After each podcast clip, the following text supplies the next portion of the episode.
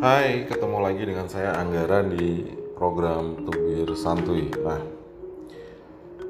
beberapa hari ini kan sebetulnya pihak kepolisian sangat aktif ya eh, melakukan proses penegakan hukum terhadap banyak kasus-kasus perjudian. Cek aja deh, eh, banyak berseliweran media-media yang memberitakan polisi menangkap eh, para bandar judi bahkan dalam beberapa kasus mungkin judi yang juga cukup tidak cukup signifikan ya eh, apa yang dijadikan bahan perjudian.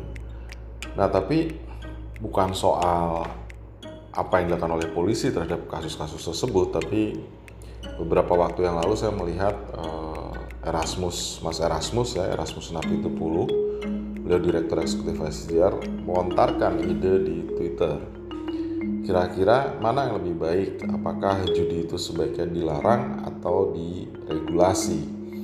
Maksudnya kalau dilarang ya seperti sekarang judi adalah uh, kegiatan terlarang oleh undang-undang. Jadi ya mau jumlahnya kecil atau besar ya sama saja ancaman hukumannya mau dilakukan di uh, offline atau melakukan di online ya dua-duanya terlarang. Nah, tapi beliau uh, mengemukakan ide atau pertanyaan yang cukup menggelitik bagaimana kalau diregulasi. Sebetulnya ada beberapa manfaat ya kalau diregulasi. Artinya kalau dalam Twitter tersebut beliau uh, menyampaikan bahwa negara bisa dapat pajak pertama dari kegiatan judi tersebut. Kemudian kedua uh, juga bisa mengikis uh, kegiatan yang punya potensi menimbulkan suap. Jadi pada prinsipnya kan apa pun yang dilarang itu eh, tapi ada konsumen yang membutuhkan dalam tanda kutip tentunya konsumen yang membutuhkan judi tersebut ya dia akan melakukannya dan kegiatan tersebut eh, tentu bukan kegiatan yang terbuka sehingga kalau kegiatan yang tidak terbuka umumnya juga akan ada uh, upaya suap supaya tidak aktivitasnya tidak terendus kira-kira demikianlah. Nah, dulu ide yang sama pernah diterapkan sebetulnya oleh pemerintah Jakarta di masa Gubernur Ali Sadikin. Jadi eh, pada waktu itu eh, beliau diwarisi oleh kota yang tidak teratur dan membutuhkan dana pembangunan yang cukup besar.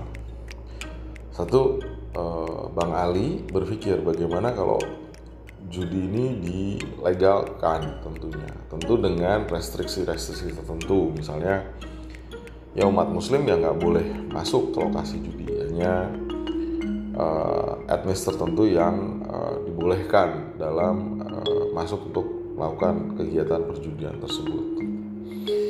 Ya akhirnya dari situ pajak bisa diterapkan dan kemudian Jakarta bertransformasi pembangunan karena dari pajak judi tersebut dan pembangunan pembangunan dan kemudian pembangunan bisa dilakukan secara lebih cepat.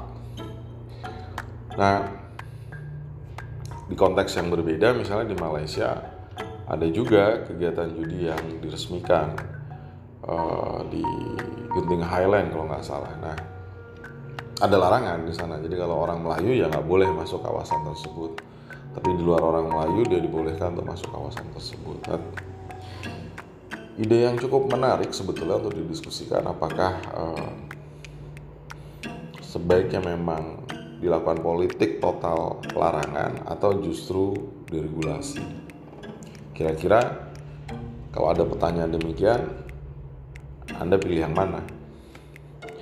Sampai ketemu lagi di program Tubir Santuy berikutnya. Jangan lupa ikuti kami terus uh, di website kami di ngertihukum.id dan juga media sosial kami di Twitter, Facebook, Instagram, LinkedIn, uh, Telegram di ngertihukum ID.